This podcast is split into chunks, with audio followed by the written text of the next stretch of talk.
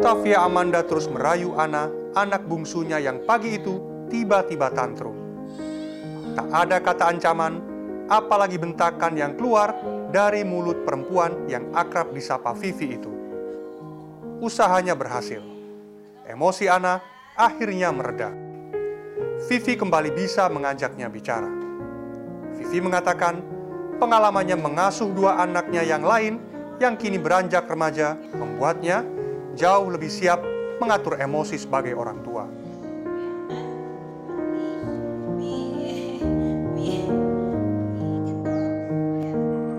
Ia mengaku pernah menghukum anak remajanya itu dengan hukuman fisik.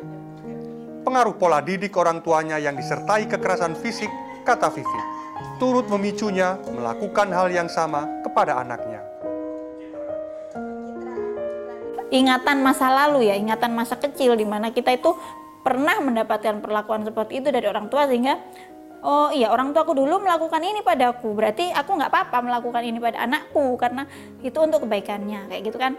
Tapi uh, karena kita sendiri juga tahu bahwa itu sebetulnya nggak nggak nggak efektif mungkin uh, juga nggak nggak manusiawi kalau sekarang itu jadi terus nyesel terus kita berusaha untuk cari cara lain supaya bisa lebih baik pengetahuan tentang pola asuh anak yang baik yang bisa didapat dari berbagai media dan forum diskusi membuatnya menjadikan pengalaman masa lalunya itu sebagai pelajaran. Kini ia tak lagi menggunakan hukuman fisik dalam mengasuh tiga anak gadisnya. Soal hukuman fisik, sejumlah masyarakat memiliki pandangan beragam. Ada yang membolehkan dengan berbagai batasan dan pertimbangan. Batasan ini misalnya jenis hukuman fisik, cubitan, atau pukulan di bagian tubuh yang tidak berbahaya. Namun ada pula masyarakat yang sama sekali menolak karena rasa trauma yang bisa ditimbulkan di kemudian hari. Justru dari pengalaman saya yang masa kecil itu hukuman fisik itu lebih membentuk perasaan saya jadi lebih sensitif, lebih cengeng. Menurut saya sih boleh-boleh aja ya.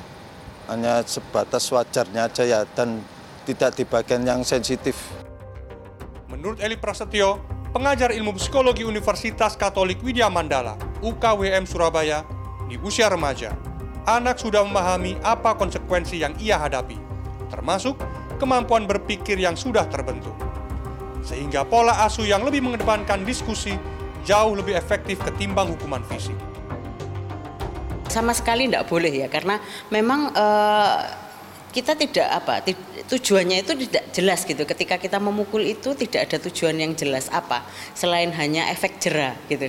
Nah apakah kita mau mengajarkan pada anak hanya efek jera atau lebih pada anak itu paham apa salahnya dia apa yang harus dikoreksi dari dia itu menjadi hal yang lebih penting. Lalu apa yang bisa orang tua lakukan ketika hendak menghukum anak remaja mereka?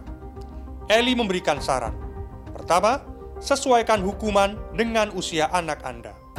Kedua, pastikan ketika menghukum Anda tidak dalam kondisi emosi dan bicaralah dengan intonasi yang jelas.